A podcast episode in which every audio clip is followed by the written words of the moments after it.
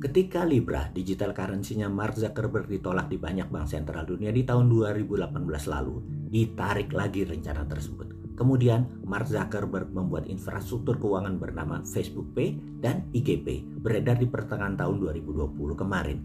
Di Amerika Latin, ada nggak yang berpikir, mau apa sih Mark Zuckerberg ini?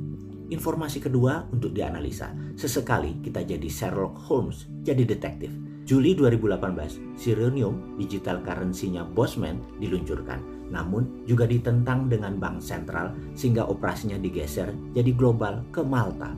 Lalu 20 Mei 2020 sebuah infrastruktur keuangan biasa sesuai dengan aturan regulator diluncurkan bernama Dinaran yaitu sistem pembayaran dan transaksi biasa produk perbankan di bawah regulasi Bank Indonesia dengan GPN kartu ATM yang berlaku di seluruh Indonesia satu level lebih lengkap dari OVO atau GoPay karena ada fasilitas ATM tunai dan edisi juga transfer antar bank. Pertanyaannya, mau ke mana Mark Zuckerberg dengan dua setengah miliar manusia pengguna FB, pengguna IG, dan WA-nya tadi? Sebagai catatan, dia merupakan negara terbesar di dunia penduduknya melebihi Tiongkok, India, dan lain sebagainya. Syarat bernegara kita semua tahu adalah punya wilayah dan punya penduduk serta punya sistem pemerintahan. Facebook IG, dan WA punya syarat itu semua untuk sebuah negara berdiri.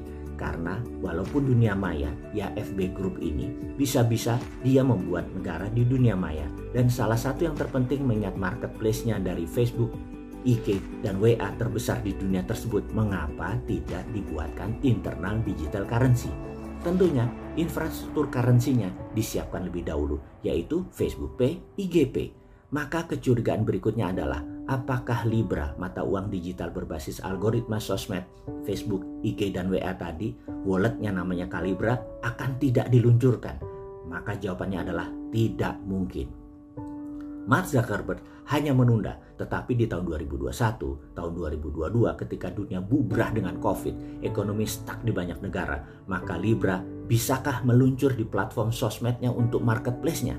Jawabannya Pasti inilah tantangan globalis yang menantang hegemoni negara di balik obor Cina maupun sekutu Amerika. Lalu apa hubungannya dengan dinaran? Kita juga bermain dong. Dinaran mengikuti aturan pemerintah Indonesia dalam hal ini BI. Namun model bisnisnya kita menarget infrastruktur pembayaran baru atau payout system. Setelah dinaran emas atau dinaran berandai emas, maka dinaran akan menerbitkan Solusi berikutnya, untuk menangkap 9 juta turis mancanegara kita akan meluncurkan dinaran dolar. Rupiah berunderlying dolar. Kita semua tahu tidak semua memerlukan rupiah dijaminkan emas, namun rupiah dijaminkan dolar juga ada pasarnya.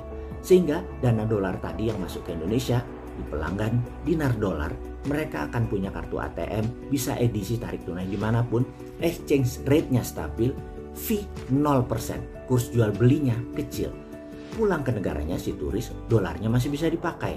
Lalu ada peluang lain lagi, ada 2 juta saudara kita yang berhaji berumroh yang kerepotan dengan realnya Saudi, kita akan meluncurkan dinaran rial.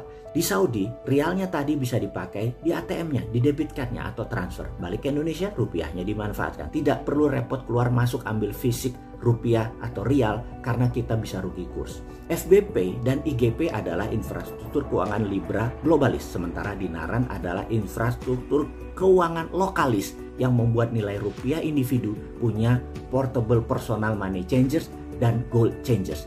Lalu yang jadi pertanyaan berikutnya, mungkinkah ke depan ada dinaran Libra? Ah, kalian ini iseng pertanyaannya. Bosman kan pedagang, jadi aja kepengen.